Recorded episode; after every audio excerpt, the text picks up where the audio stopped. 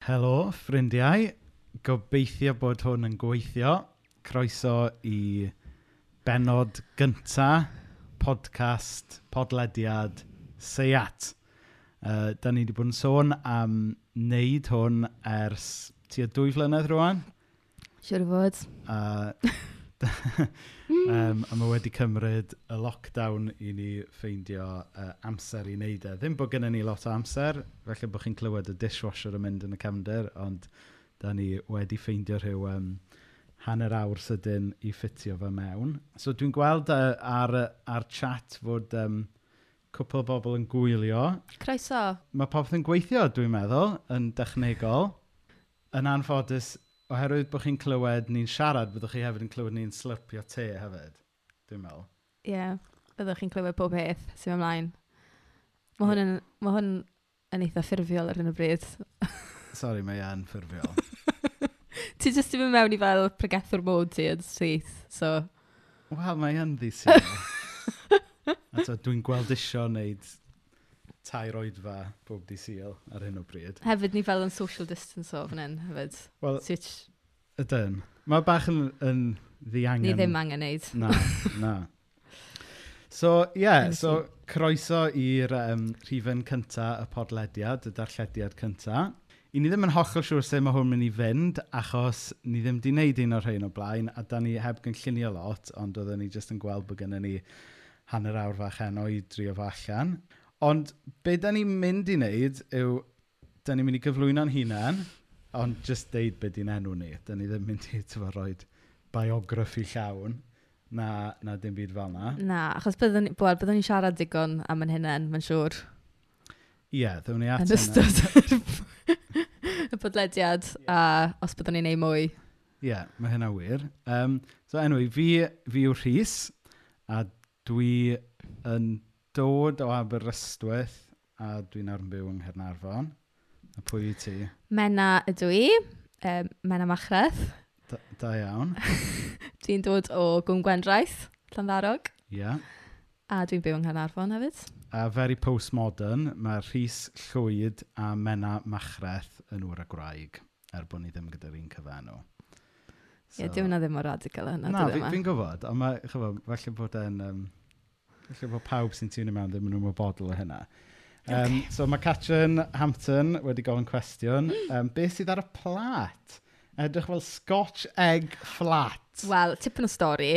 Um, o'n i'n mynd trwy yr uh, carwsel bwyd uh, ddoe a o'n i'n pigo allan pethau oedd out of date.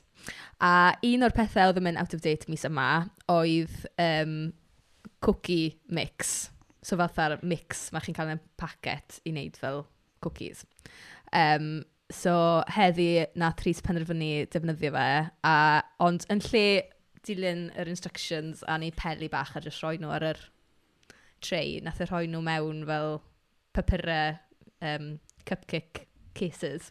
Ie, yeah, achos nawr o'n i ddim yn disgwyl bydde, o'n i ddim yn disgwyl bydde y seiat yma'n troi mewn i cooking show cweit mor sydyn yna hyn, ond basically, os, os ych chi'n neud fel yr homemade cookies o'r, or archfarchnad, os chi'n dilyn yr instructions, maen nhw'n, chi'n neud nhw fel pale, a wedyn maen nhw'n flatno allan mor denau, mae'r ma ymyl yn llosgu, ond beth sy'n neud cookies yn neis yw bod y, y canol yn gwy yn dyfa. So os mm. chi'n hmm.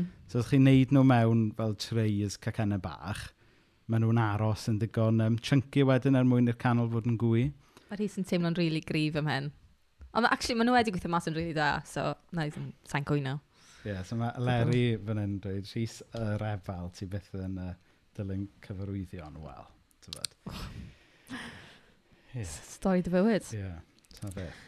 Nid bwriad, pri, ne, o leia, nid pennaf bwriad y uh, podlediad yma di trafod bwyd.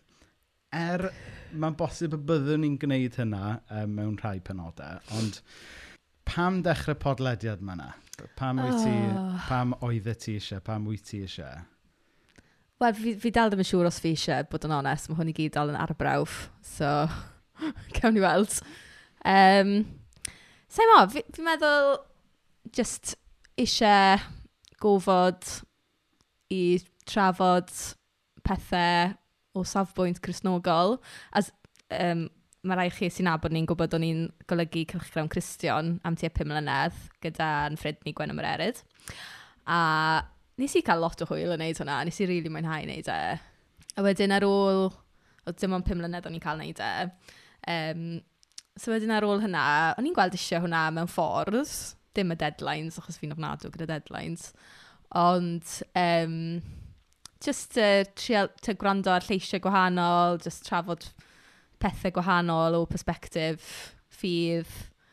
Um, hefyd, fi di bod yn gwrando lot yn y blynyddau, wers blynyddoedd, ar podcasts o llefydd eraill ar draws y byd sy'n trafod y ffydd chrysnogol, um, cwestiynau sy'n codi, tyd, gwahanol y gweddau o bywyd trwy lygad chrysnogaeth. A fi sy'n meddwl bod hwnna'n beth rili really iach a da, a bod dim byd fel yna'n gael yn Gymraeg. Um, so, ie, yeah, fe, fe nomad podcast, falle bod chi, mae rhai pobl wedi clywed amdano fe. Um, Tyma, mae lot o pethau, ie, yeah, diddorol iawn sydd wedi helpu fi feddwl am gwahanol agweddau o'n ffydd i. Um, dros y blynyddoedd rhai pethau ddim yn help, ond dyna beth sy'n gret, fel mae'n emrywiaeth mawr o pethau. Um, a, um, ie, yeah, So fi'n meddwl mae'n ma dda fel codi cwestiynau, trafod pethau. Um, un peth dylen ni weid, siwr fod Rhys, yw, tyd, yn amlwg ni'n rhan mawr o eglwys Carsalem, ond tyw hwn podcast ma ddim yn dim byd i wneud â Carsalem, mae'n jyst yn prosiect ni fel unigolion dydy. Ie, yeah, mae hwn side project ni ydy hwn. Di hwn ddim yn un o weinidogaethau Carsalem. Um, a, a oedd hwnna'n sort of i fi be bynnag yn un o'r rhesymau o'n i eisiau gwneud y podlediad, achos um, er dwi'n credu yn, yn yr eglwys leol, mi faswn i'n deud hynny achos job pob dydd fi ydy bod yn weinidog. Ond eto, dwi'n teimlo fod, um, bod yna gyfyngiadau hefyd o, o geisio rhannu eich ffydd trwy eglwysi traddodiadol hefyd. Um, oherwydd, mm. dwi'n teimlo fod um, bod lot o bobl yn agored i gwestiwn y ffydd, ond bod nhw wedi cael drws am babynnag uh, reswm i uh, y sefydliad crefyddol. So, so un, un o'r rhesymau o'n i eisiau dechrau podlediad oedd helpu pobl i edrych ar gwestiwn y ffydd um, heb bod disgwyl yn y ddod trwy drws capel gynta. Um, mm. So, ie. Yeah, Ond hef, hefyd ti dynod o fewn y byd Cresnogol, fel weithiau mae yna diffyg trafod pethau, neu mae pobl yn ofn codi cwestiynau am pethau, a um, yeah, mae pobl jyst ofn cael y trafodaeth na. So fi'n credu mae Cresnogion yn ofn ffrio gyda'i gilydd, dydyn. A mae, i fi, mae hwnna ddim yn peth iach o gwbl. Um, bydde well i fi trafod pethau a cael trafodaeth constructive a dod i, wel, falle, tyd, dod i safbwynt neu ddim dod i safbwynt um, ar rhywbeth. Um, os fi'n meddwl, meddwl beth iach, a te, bydde lot o bobl yn meddwl, o, oh, dyfa e ddim yn dda trafod pethau yn gyhoeddus, ond pam ddim, as in, fi'n meddwl, mae annog pobl i feddwl, achos fi, actually, mae ma, ma, ma yna diffyg, fi'n meddwl, fewn Cresnogaeth, wel, Gymraeg o leia, o trio annog pobl i meddwl pethau allan dros eu hunain. So, mae hwnna'n un peth fi eisiau annog.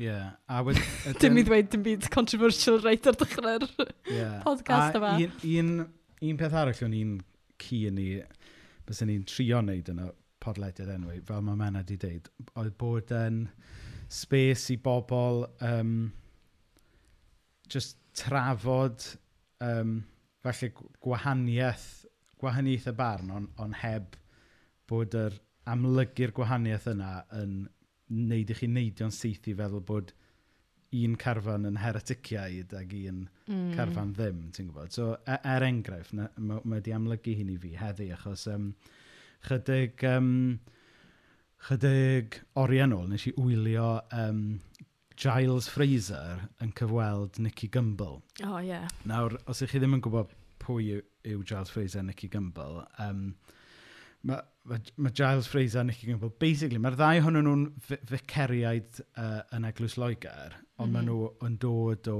draddodiadau um, diwynyddol Cresnogol eitha gwahanol.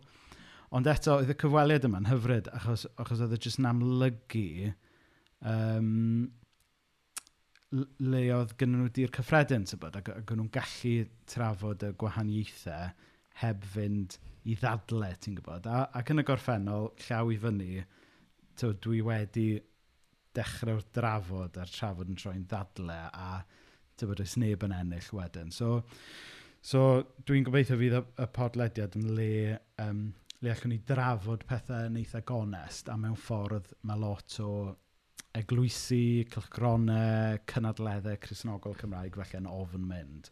Ond gobeithio byddwn ni'n neud hwnna mewn ffordd um, gofalus fydd yn, fydd yn helpu. Ond, ie, yeah, dyn ni eisiau clywed wrtho pobl hefyd be maen nhw eisiau yeah, so, so ar y pwynt clywed, yma, falle neu ni... pobl allan ni cyfweld, neu pobl, ie, yeah, allan yeah, ni so, holi. Yn y, yn y chat nawr, um, dwi'n gwybod, chi eisiau rhannu, chi eisiau rhannu rhai syniadau be byddwch chi'n hoffi i'r podlediad yma drafod. Hynny, ddim bod ni'n mynd i drafod nhw heno, um, ond just So gobeithio fydd hwn yn, yn rhywbeth byddwn ni'n neud. Fi ddim yn gwybod, fi ddim eisiau cymitio i ddweud bob wythnos. byddwn ni definitely ddim yn neud bob wythnos, ond to byddwn ni'n neud e o leia unwaith y mis gobeithio. Um, so, nes i ofyn y cwestiwn ar tudalen Facebook seiat. Um, so cofiwch laicio tudalen Facebook seiat. A wedyn, nes i ofyn i bobl be maen nhw eisiau. A wedyn, Chwarae teg, nath Corey Hampton, dwi'n gwybod os wyt ti Corey yn gwylio, oedd Catrin yn gyna. Um, Helo, Catrin a Corey. Oedd Corey, chwarae teg, wedi narw o fel lawr i hyn. so mae Corey, Corey eisiau ni drafod sgwrs gyda awduron Llynyddiaeth Cymru, mm. Desert Island Discs am albums Cymraeg, pethau am fwyd, bwytau pethau da chi wedi cygynio, sgwrs gyda chefs neu digwyddiadau bwyd yng Nghymru, Um, sgwrs am ffydd a gwleidyddiaeth yng Nghymru, sgwrs am ieithoedd lleafrifol gan bobl sydd yn siarad yr ieithoedd, sgwrs rhwng pobl sydd wedi colli ffydd ac pobl sydd wedi dod i ffydd, nid dadleigar, ond er mwyn clywed eu hanes a'i profiadau gwahanol, newid hinsawdd gyda gwyddonydd hinsawdd, intro i Belonydd Cymru gyda mena, a sut i ddarllen e, oce, okay, dwi fod fod yn y gwydda pryd hynny.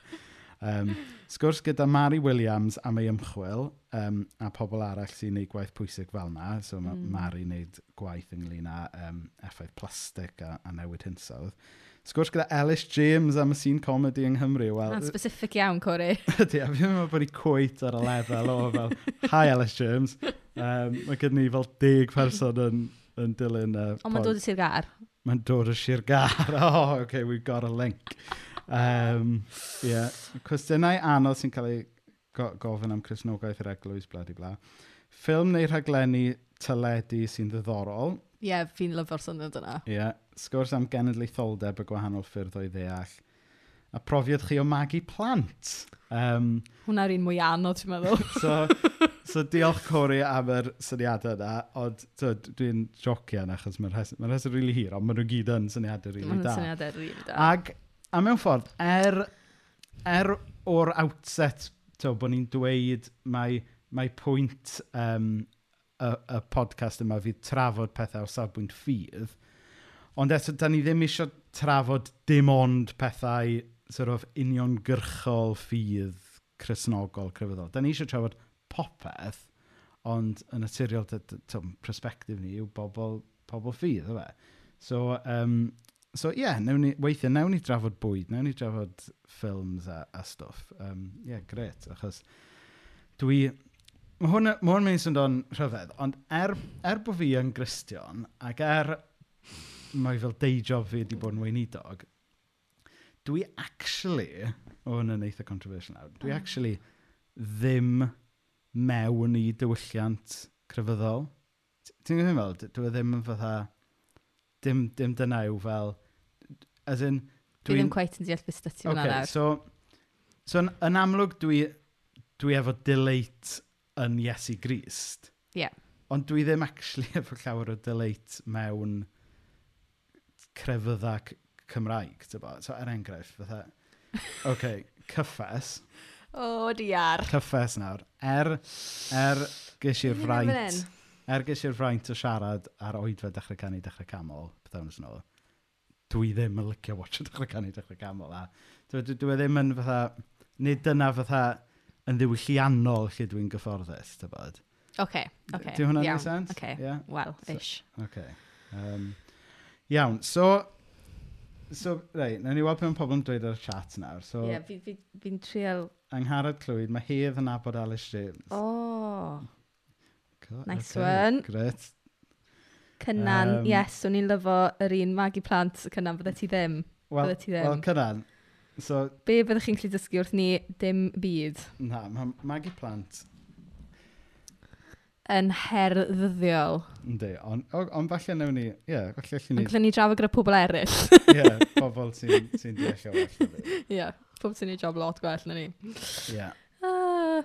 Um, wedyn, oce, okay, so Os yna unrhyw beth... Mlaen i'r pwnc nesaf, falle. Mlaen, mlaen i'r pwnc nesaf, oce. Okay. So, mae gyd... Ni ddim quite yn meddwl bod y mor hir hyn, ond ni. Mae gyda, yeah, ma gyda fi, ma gyda fi rynwod fe. So, ni wedi croesawu pobl, ni wedi cyflwyno'n hunain. Ni wedi dweud pam bod ni eisiau dechrau podlediad. Pam yr enw Seiat? Wel, ti'n be, mae hwn yn gwestiwn rili really da, achos nid fi na ddewis yr enw, a ges i ddim hyd yn oed dweud yn y beth. So, fi yn teimlo bod ti wedi cymryd drosto gyda hyn? Ie, yeah, wel... Yn barod. Well, basically... Fi ddim yn hapus so, Dwi am enna, mae gennym ni um, personalities um, eitha gwahanol, really. Um, mae menna'n eitha pwyllog, mae'n cymryd i amser dros bethau. Lle fi, y complete opposite. Os dwi'n cael syniad, dwi goffo gweithredu arno fo reit pryd hynny. Ie, yeah, mae hwn yn really extreme nawr, oce? Okay? As in, Mae fe'n bach o joc yn teulu ni, achos mae teulu ni'n eitha pwyllog ac ffo'n meddwl pethau trwyddo, ti'n meddwl, deliberate o am spel cyn neud pethau. Ond mae'r rhys, unwaith mae'n syniad i ben, mae'n goffo neud e y diwrnod hynna. A mae'n scary, mae'n mynd obsesiwn gyda fe. Fel, nath e wneud um, Tracy Island i cadw. Mae cadw gyda obsesiwn gyda Thunderbirds ar hyn o bryd. Ar tua blwyddyn nawr. A wedyn, nath rhys penderfynu di llun diwetha, diwrnod off oedd e'n mynd i wneud Tracy Island, a oedd rhaid fe wneud e yn syth bin. Fel o dim byd arall yn gallu mynd ar draws y prosiect yma, ond dyna sydd mae e gyda stwff. Um, a mae e yn gwylltio fi weithiau, achos weithiau mae... Ie, Yeah, mae jyst yn annoying. Ond anyway, yeah, so yeah. basically, o'n i ddim yn symud digon cyflym gyda'r podcast yma, achos o'n i'n meddwl. Oh. A wedyn nes ti just mynd, right, dyma beth ni'n mynd i wneud e a wedyn nes i kind of rebelio, a wedyn nes i dechrau um, tudalen Facebook, ond wedyn nes i gweud na fi ddim yn neud e, a nath dim byd digwydd am dwy flynedd. yeah. so, so dyna hanes y byd. Well, basically, ta, os tip i chi, so, fi'n gwybod mai hwn yw penod cyntaf podcast ni, ond fi'n ystyried fi'n expert yn barod. Brand identity yn bwysig. So, o'n i'n meddwl, mae cael enw, mae cael logo yn bwysig. Um, a wedyn oedd men, wrth gwrs, fel beth mae'r podcast wedi bod amdano? Surely mae'r cynnwys yn bwysicach. A wedyn, ie, yeah, mae e. So, wedyn nath ni stolio am dwy flynedd gwneud. Ond, o'n i fod yn deg, mae seiat gyda lot o... Tyn, mae'r gair yna yn meddwl rhywbeth penodol, dydy, ac yn um, atgoffa pobl o rhywbeth oedd yn bwysig iawn yn hanes Cresnogol Cymru, sef seiat profiad, lle hmm. oedd pobl yn dod at ei gilydd i drafod i ffydd. Ie, yeah, so, Um, so os chi'n mynd nôl um, cwpl o ganrifoedd, um, pan oedd sort of y mudiad Methodistaidd yn, yn cychwyn, doedd, o- oedd gan rai ohonyn nhw beth bynnag, oedd ganddyn nhw ddim sort of i eglwysu hunain, oedd nhw dal yn mynd i eglwys y plwyf. Ac, ond be oedden nhw'n neud, oedden nhw'n cyfarfod um, mewn llefydd ac yn hau i gilydd yn ystod yr wythnos ac yn cynnal be o'n nhw'n galw yn, yn seiat neu seiadau, um, sef cyfarfodydd le, le oedd yna bwyslais ar um, drafod, rhannu um, eich profiadau sbrydol, dysgu oddi wrth profiadau eich gilydd. Um, oedd yn, oedd yn eitha gwahanol i falle fwy o'r model le oedd yr offeiriad yn siarad at pawb arall, lle yn y seiat brofiad, oedd, oedd pawb o gwmpas y cilch fel bethau yn, yn agor y Beibl ac yn gweddio ac yn rhannu um, profiadau uh, ffydd i hmm. gilydd. Mm. Ac os chi'n mynd i'r um, geiriadur Prifysgol Cymru, um, dyma sy'n dod lan yn seiat. Ti eisiau darllen e, yma na, mae gen ti lais fwy um, melw na fi. Seiat, seiat, seiad. Cyfarfod crefyddol ymhlith y methodistiaid cynnar, a nodweddyd gan adrodd profiad ysbrydol, cynghori, gweddio, canu emynau, cyfarfod crefyddol a gynhelir fel arfer ar noswaith waith, yn enw neu ymhlith y Methodistiaid Calfinaidd, aelodau cyfarfod o'r fath sgwrs neu drafodaeth onest neu fanwl. Dyna ni. Yeah. So, so dyna beth sy'n tu ôl yr enw, really. So, Ond pan ti'n fel, mae rhai pobl gyda mae connotations negyddol i'r gair seiad hefyd oes, achos mae'n dal yn cof he, pobl, hen bobl, pan gweud hen bobl, hen bobl, ni'n siarad â weithiau. Tymed, te, maen nhw'n cofio pobl yn cael profiadau gwael yn cael eu torri allan o'r seiad a stwff dydyn okay. am pethau. So, yeah. Falle gallwn ni cael rhywun ar y podcast rhywbryd i siarad mwy amdano beth oedd seiat ar yeah, sut oedd yn gweithio, beth oedd pethau da, pethau drwg a... Yeah. Yeah. So mae yna ma exgal ar hanes y seiat. Ond, ond basically, pwynt, uh, pwynt ni gyda'r um, podcast yma yw bod ni eisiau cymryd y syniad a ail gyflwyno fe mewn ffordd cyfoes, sef bod, en, bod y podlediad yn blatfform le mae pobl unwaith eto yn gallu rhannu um, i profiadau, yn gallu trafod syniadau uh, mewn awyrgylch um, eitha agored. So, ie, yeah, so dyna sy'n tu, tu ôl yr enw. So, so, so yn hytrach na bod y podcast mae jyst yn siarad am y podcast, ni actually mynd i drafod un peth sort of, o fwy o sylwedd heno. Sef... Um, Sa'n siŵr am ni, ond... Ie, yeah. yeah, so i'r rhai o'n chi falle nath wylio um, gwasanaeth Caer Salem, uh, yr eglwys lle dyn ni'n aelodau ohoni, bore yma, Um, fel rhan o'r oedfa, nathon ni ddangos ffilm um, nath Mena greu. Ie, yeah, no, yr un beth falle byddwn ni'n dweud, oedd um, y pwnc gwasanaeth bore yma oedd gweddi, um, a Arwel Jones, sef ysgrifennydd Amazing Carsalem yn Pregethu. A, um, ie, yeah, so oedd yr, oedd y ffilm yn rhan o hwnna. Really. Oce. Okay. Gret. be fi'n neud yn crac fi lan. Do. O rhaid i ni speedo fel an hefyd, achos... O'n i'n troi ti dylenner i slo. Nath e- o e gymryd naw munud i, i ti flicio trwy'r uh, papurau i gyd, ond oedd e'r yr backing track ah. dim ond yn 4 munud a 17 eiliad. Yeah. So, um, yeah, so mae ma lot, uh, lot o bobl um, gan gynnwys um, Lisa Johnson, just nawr yn y chat, wedi mynegu gwerthorogiad o'r o'r gerdd slash ffilm. So, o le ddath y syniad? fi, fi ddim really hapus bryd drafod rhywbeth. fi di wneud fel cyntaf yn y podcast yma, ond nath y syniad... No, actually, nes i gweld rhywbeth um, rhyw eglwys di roi lan rhyw tair wythnos yn ôl ar Facebook oedd yn neud rhywbeth tebyg gyda'r um, thing live actually yma, lle maen nhw'n newid yr, yr papur i roi rhyw neges. Mae pobl sydd wedi gweld Love Actually yn gwybod beth fi'n siarad am. Um, a o'n i'n meddwl, o, oh, mae hwnna'n rili really effeithiol. A o'n nhw wedi gwneud uh, gyda Sam 23. A wedyn nes i feddwl, o, oh, bydde fe'n neis wneud rhywbeth fel ar hwbryd, achos fi yn licio wneud stwff creadigol, ond fi ddim yn cael amser i wneud pethau creadigol. Fi'n trio, ni'n trio wneud cerdd, ffilm, cerdd, bob nadolig yn ni. Ni'n rili really joio wneud hwnna. Um, ond byddwn ni'n licio am, mwy amser i wneud mwy o pethau creadigol a, a'r ffilm a pethau.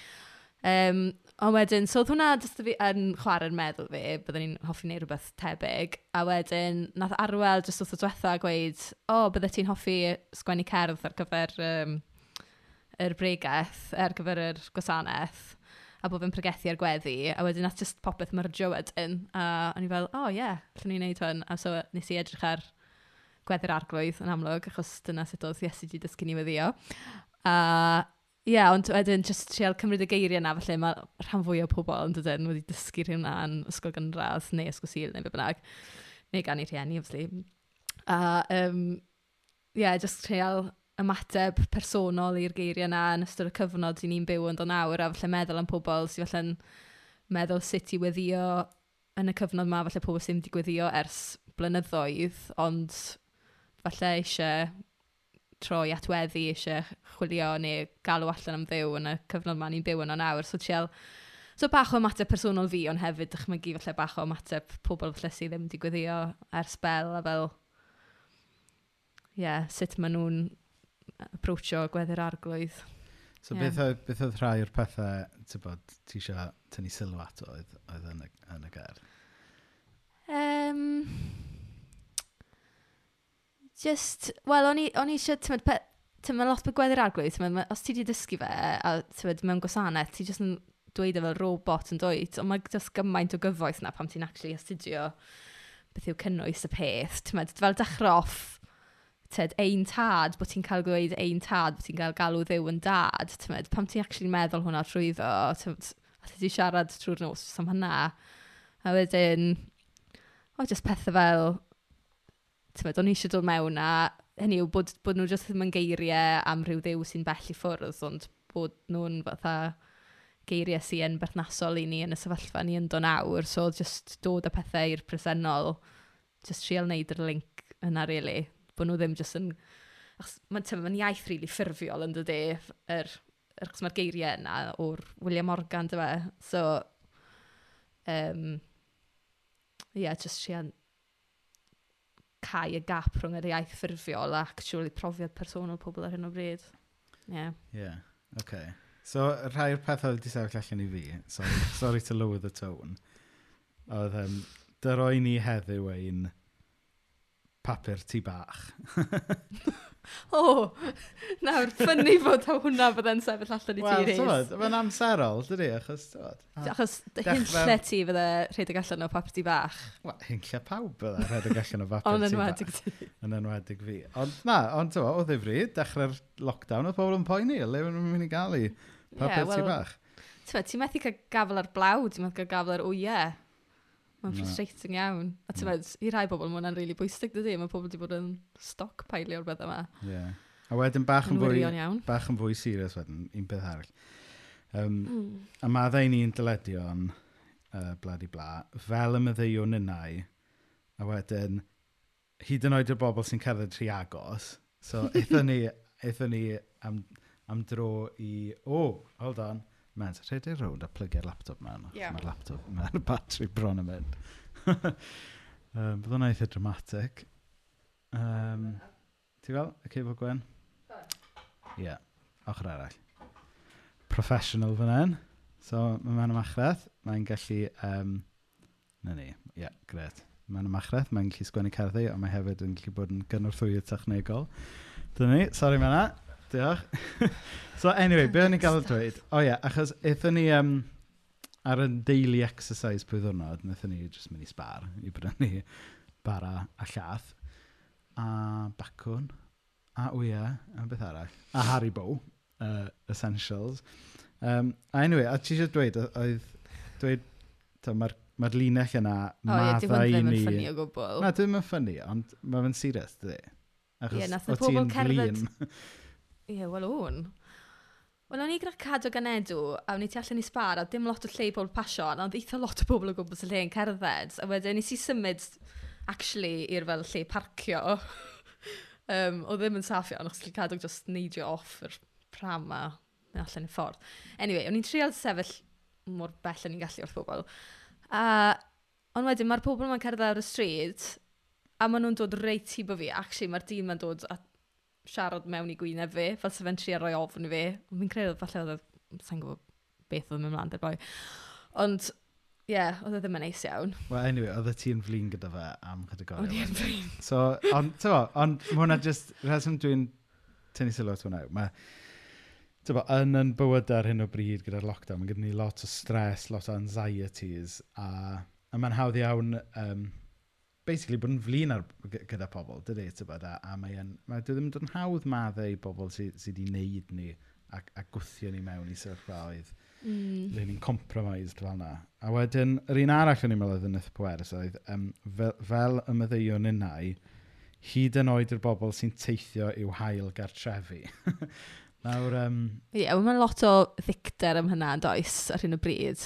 Tyd yn hollol gywir am y peth, ond, Ti'n tymed, ar diwedd y dydd, ni'n pobl sy'n cael yn galw i maddau dydyn. So, dim bod ni'n, pam ni maddau'n gweud bod pobl sy'n gwneud pethau anghywir yn iawn, ond just, ond ni dal gyffo maddau iddyn nhw. A fi'n credu bod lot, lot o pobl ar hyn o bryd yn ffynd o'n anodd maddau i bobl sy'n gwneud pethau anghyfrifol fel yna. Hmm. So, hmm. ie, hmm. yeah, just rhywbeth bach mwy heriol, really. Ie, yeah, ond on, on tybo, hynny yw, yn y cyfnod... Oh Gosh, rhywbeth i sydd ar y llawr, sori. Um, yn y cyfnod sort of stressful yma um, yn y lockdown, mae hawdd i bobl fagu dicter a mae hawdd i bobl fynd i feio pobl. Ond mae'r argyfwng yma ar rhyw mynd i ddod i ben a ni'n mynd i offo dysgu cyd fyw gyda rhai o'r bobl da ni'n flin efo ar hyn o bryd. Felly, felly mae, mae dysgu maddau yn, yn goffo bod yn rhan o'r mix, really, a mae gweddi'r arglwydd yn cyfeirio ni at hynny. So, oedd, oedd rhywbeth arall ti eisiau deud ynglyn â'r gerdd? Na, sy'n meddwl. Na, oce, okay, gret. So, um, So Fi wedi bod 40 munud na. Do, wnaethon ni ddeud mai, mai hanner awr oedd pob. Max. Max. Ond, sori, da ni wedi bod mwy na hynny nawr.